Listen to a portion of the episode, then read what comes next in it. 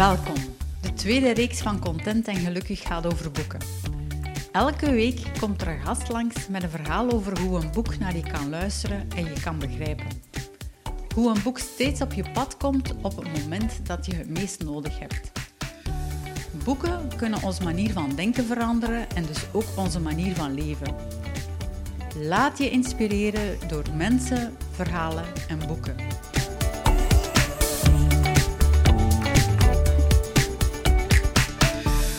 Julie. Hallo. Ik ben heel blij dat je hier bent. Dat je door de regen getrotseerd hebt om naar hier te komen. Ja, het is, uh, het is een rit geweest. Uh, maar ik ben ook blij dat ik hier ben. Ja.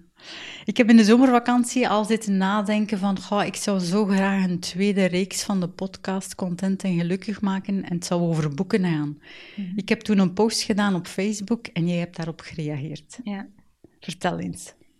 Um, ik heb vroeger uh, aan de universiteit in Gent eigenlijk uh, literatuur gestudeerd en nooit echt specifiek iets mee gedaan.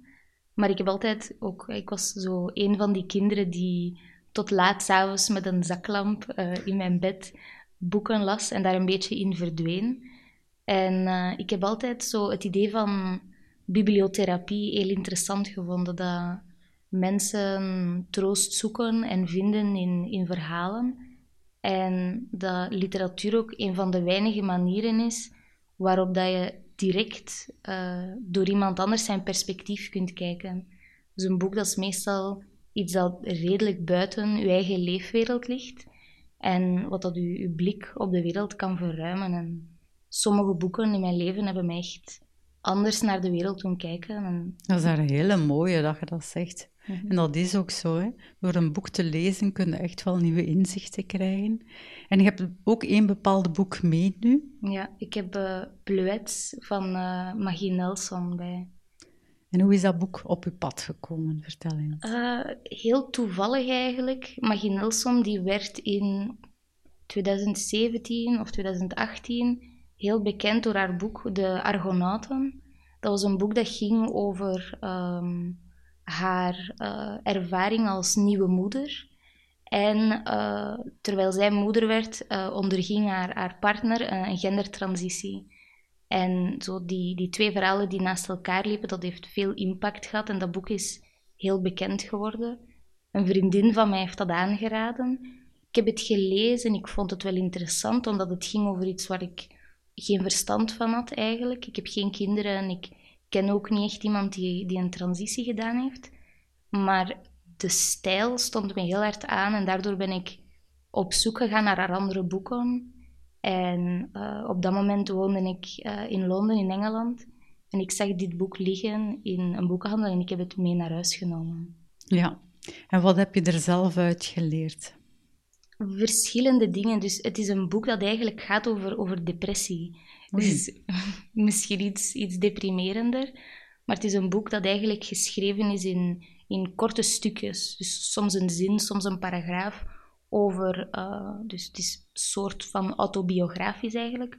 Over de schrijfster die gedumpt wordt door iemand waar dat ze een relatie mee heeft. En tegelijkertijd een vriendin van haar die een ongeluk heeft en die uh, verlamd geraakt aan haar armen en haar benen. Dus het gaat over, over tristesse en, en rouw en uh, over, over verdriet eigenlijk. Uh, dus dat is, dat is het, het, thema van het boek. Maar er staan bepaalde heel mooie passages in. En, en wat was er zo herkenbaar voor jou dan in dat boek? Uh, ik denk dat we allemaal ooit gedumpt zijn door iemand waar we een relatie mee hadden. En um, een aantal jaar voor ik dat boek gevonden heb, heeft mijn zus uh, een ongeluk gehad waardoor ze uh, verlamd is geraakt aan haar benen eigenlijk. die zit nu in een, in een rolstoel. Ja. Hm. Dus toch wel heel herkenbaar voor jou, die ja. stukken dan. Ja. ja.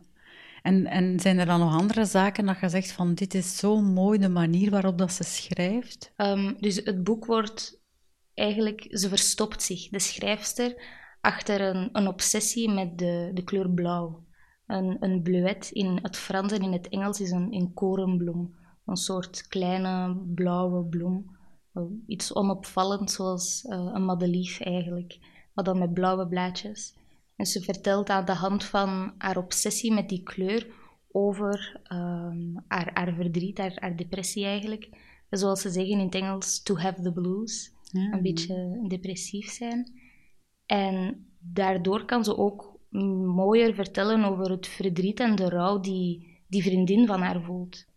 Uh, over ja, de, het, het vorige leven dat ze had, wat ze nu niet meer heeft. Dat is ook een soort rouwproces waar die andere persoon door moet. En er is een bepaalde passage over uh, de hiërarchie van rouw. Dus uh, ze vertelt, ja, ze voelt zich, ze schaamt zich omdat ze haar eigen verdriet over die verbroken relatie vergelijkt met het verdriet van haar vriendin die verlamd is. Dus twee compleet, totaal verschillende soorten lijden ja. die, die je niet kunt vergelijken, waar het ook geen zin heeft om ze in de positieve of de, de negatieve zin met elkaar te vergelijken. Dus dat, uh, dat vond ik heel sterk, omdat ik denk soms, en ik heb dat ook gezien na het ongeluk van mijn zus, we hebben, ik denk dat dat iets, iets Belgisch is, heel erg de neiging om te zeggen: Oké, ik heb pijn of oké, ik ben verdrietig, maar het is allemaal zo erg nog niet, want persoon A of persoon B heeft het veel erger. Absoluut, ja. Terwijl dat ik, dat, ik denk dat dat uh, heel jammer is dat we dat doen, in plaats van onze pijn of ons verdriet in de ogen te kijken en te zeggen: Oké, ik zit daarmee en dat, dat is erg eigenlijk en ik moet daar door. Ja.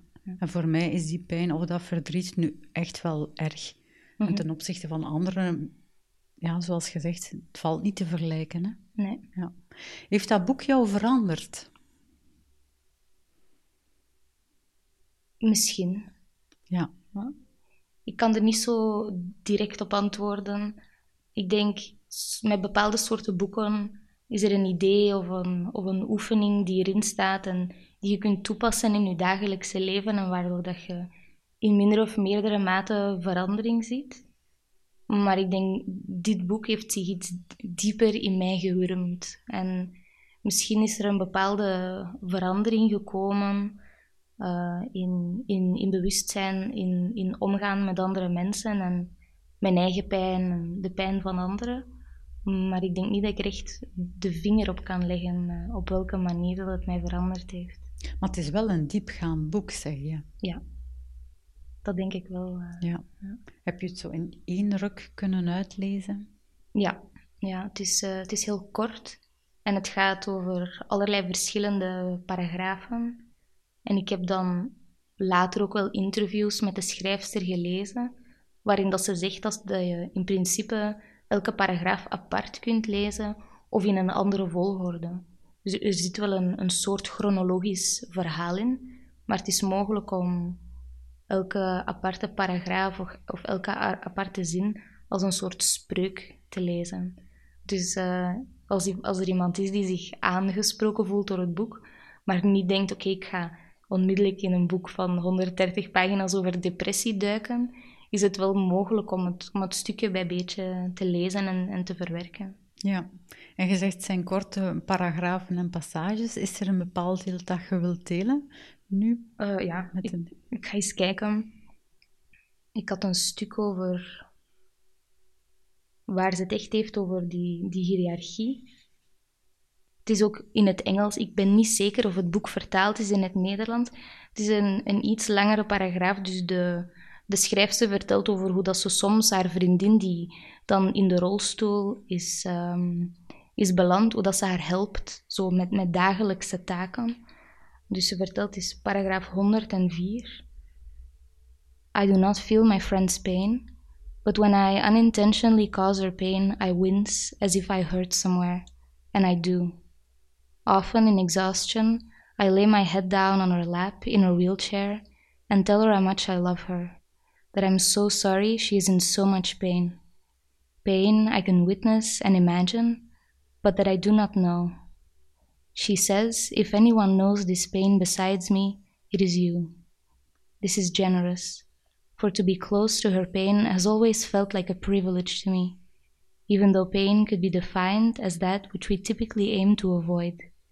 Perhaps this is because she remains so generous within hers, and because she has never held any hierarchy of grief, either before her accident or after. which seems to me nothing less than a form of enlightenment.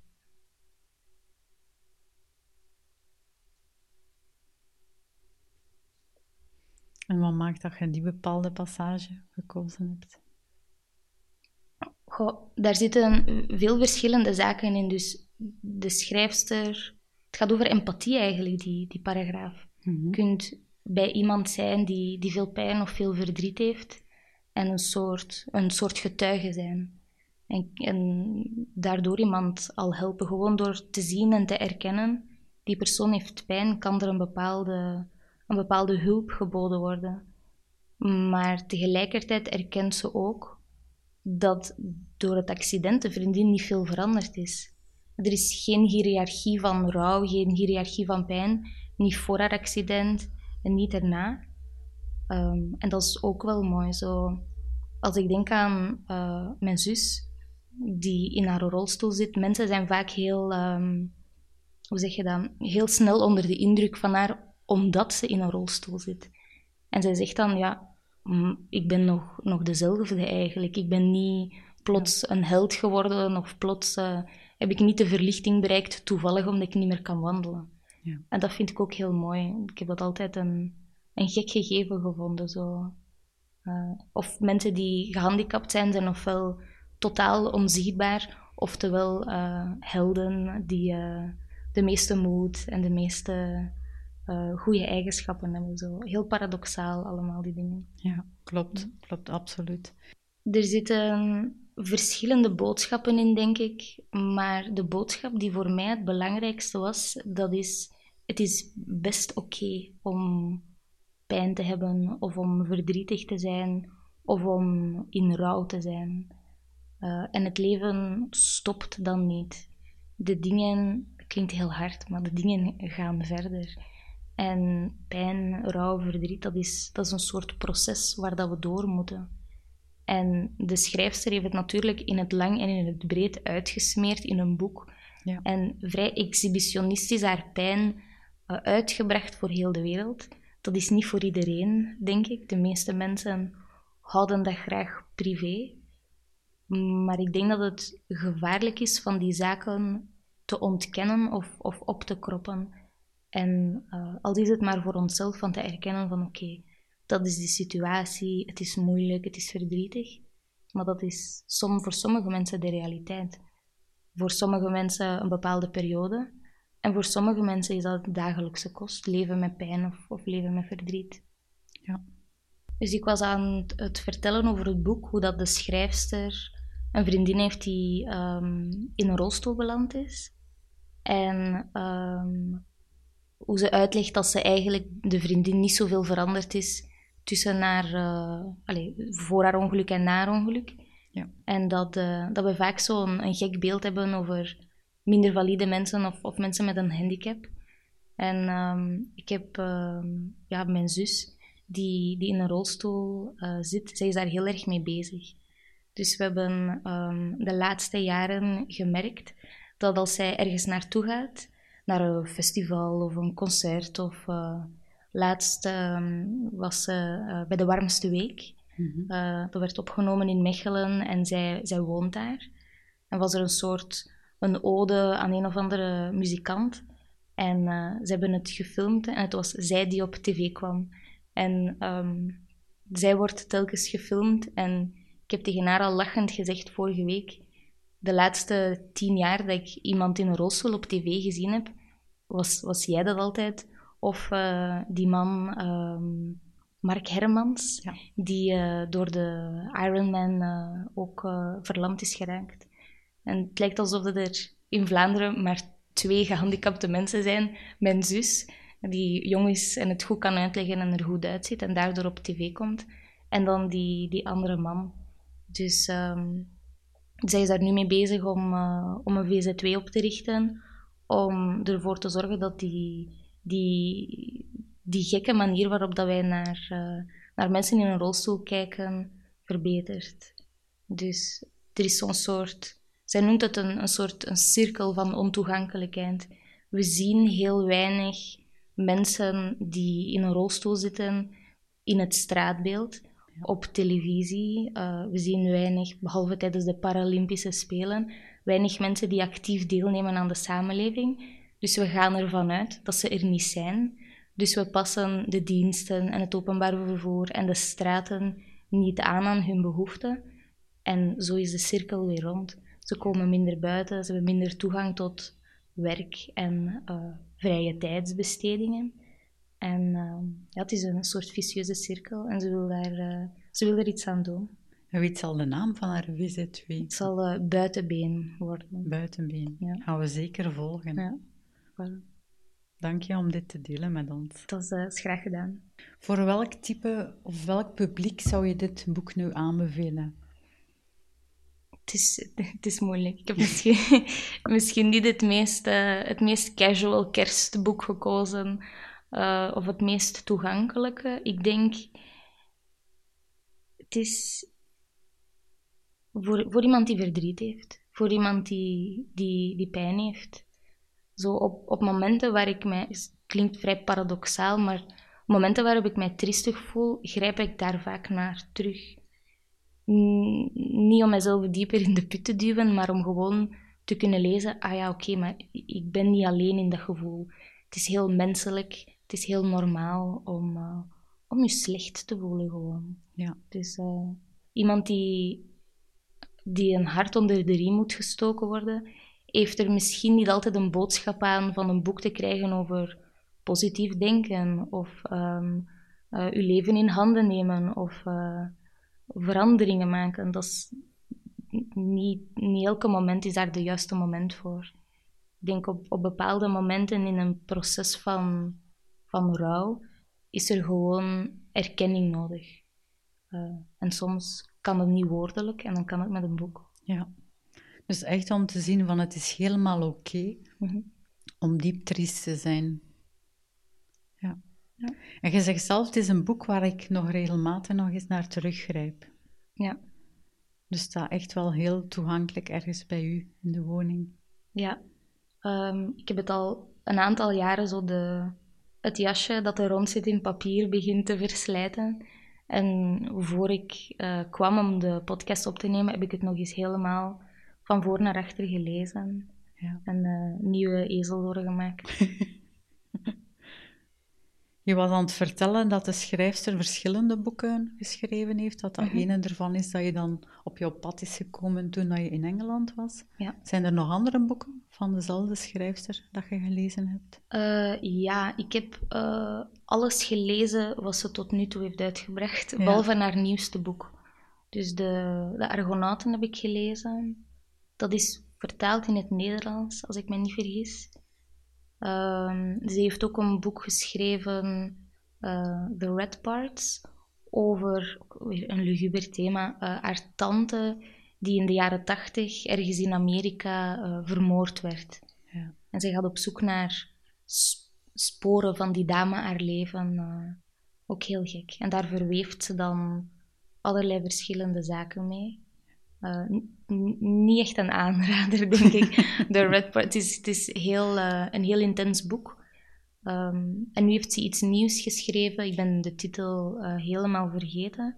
Maar dat zou iets academischer zijn. Dus de, de schrijfster geeft ook les aan een of andere chique Amerikaanse universiteit. Waar ze tekstkritiek doet. Dus ze is literair academicus eigenlijk. Ja. En wat doe jij eigenlijk in het leven, Julie? Uh, een beetje van alles. Um, ik heb een, een vaste uh, deeltijdse job als, als telefoniste. En daarnaast geef ik uh, yoga en meditatieles. Dat is natuurlijk ook wel interessant. En waar kunnen mensen u vinden als ze meer over yoga en meditatie willen weten? Uh, ik heb een, een, website die hopelijk in de, in de beschrijving van de podcast zal staan. Dus juliealbrecht.com. Um, en uh, een aantal relaxatie- en meditatieoefeningen die zijn te vinden op uh, Insight Timer, de, de meditatie-app. Ja. En uh, als podcast bij Spotify en Apple en een aantal andere diensten onder de naam Adempauze. Dus het gaat over ademen? ja, dus het gaat eigenlijk over, hoe zal ik het zeggen? Ik ben daarmee begonnen omdat ik zag uh, in de wereld van meditatie wordt er heel vaak sterk gefocust op één bepaalde techniek. De meeste mensen die mediteren in het Westen, die beoefenen mindfulness. Ze letten op de adem en dat soort zaken. Maar dat is niet voor iedereen even nuttig. Bijvoorbeeld iemand die astma heeft, die kan daar geweldig zenuwachtig van worden van te moeten focussen op, uh, op zijn of haar adem. Of mensen die uh, bepaalde traumatische ervaringen gehad hebben, die kunnen dat ook niet zo goed. Dus ik vond het een interessant idee van heel veel verschillende soorten meditatie- en relaxatieoefeningen te maken en die beschikbaar te maken. Dus er zitten veel uh, klassieke ademhalingsoefeningen bij, maar ook creatievere zaken zoals uh, meditatie op kleuren, waar, dat er, uh, waar dat ik vraag aan de mensen om in een bepaalde kleur in te beelden en associaties te maken en op die manier toch een bepaalde ontspanning te bereiken. Ja, en als we dan over kleuren beginnen, kunnen we terug kijken naar bloeit en is de mhm. cirkel rond. Ja, voilà. Ja. tot, tot slot nog een laatste vraag. Mhm. Welke boek ligt er momenteel op jouw nachtkastje? Op mijn nachtkastje ligt momenteel een boek dat heet uh, Sovjet Milk over een dame die in uh, Litouwen woont tijdens de, de Sovjet-tijd.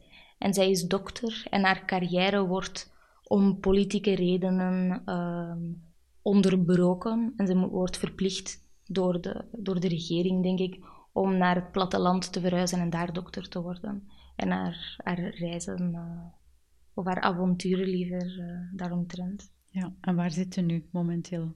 Eh, ik ben nog niet begonnen. Dus ja. het ligt klaar, klaar op mijn nachtkastje. Maar uh, ik ben nog niet begonnen. Oké. Okay. Ja. Goed, dankjewel. Dank je voor je komst en ik wens je nog heel veel leesplezier. Bedankt.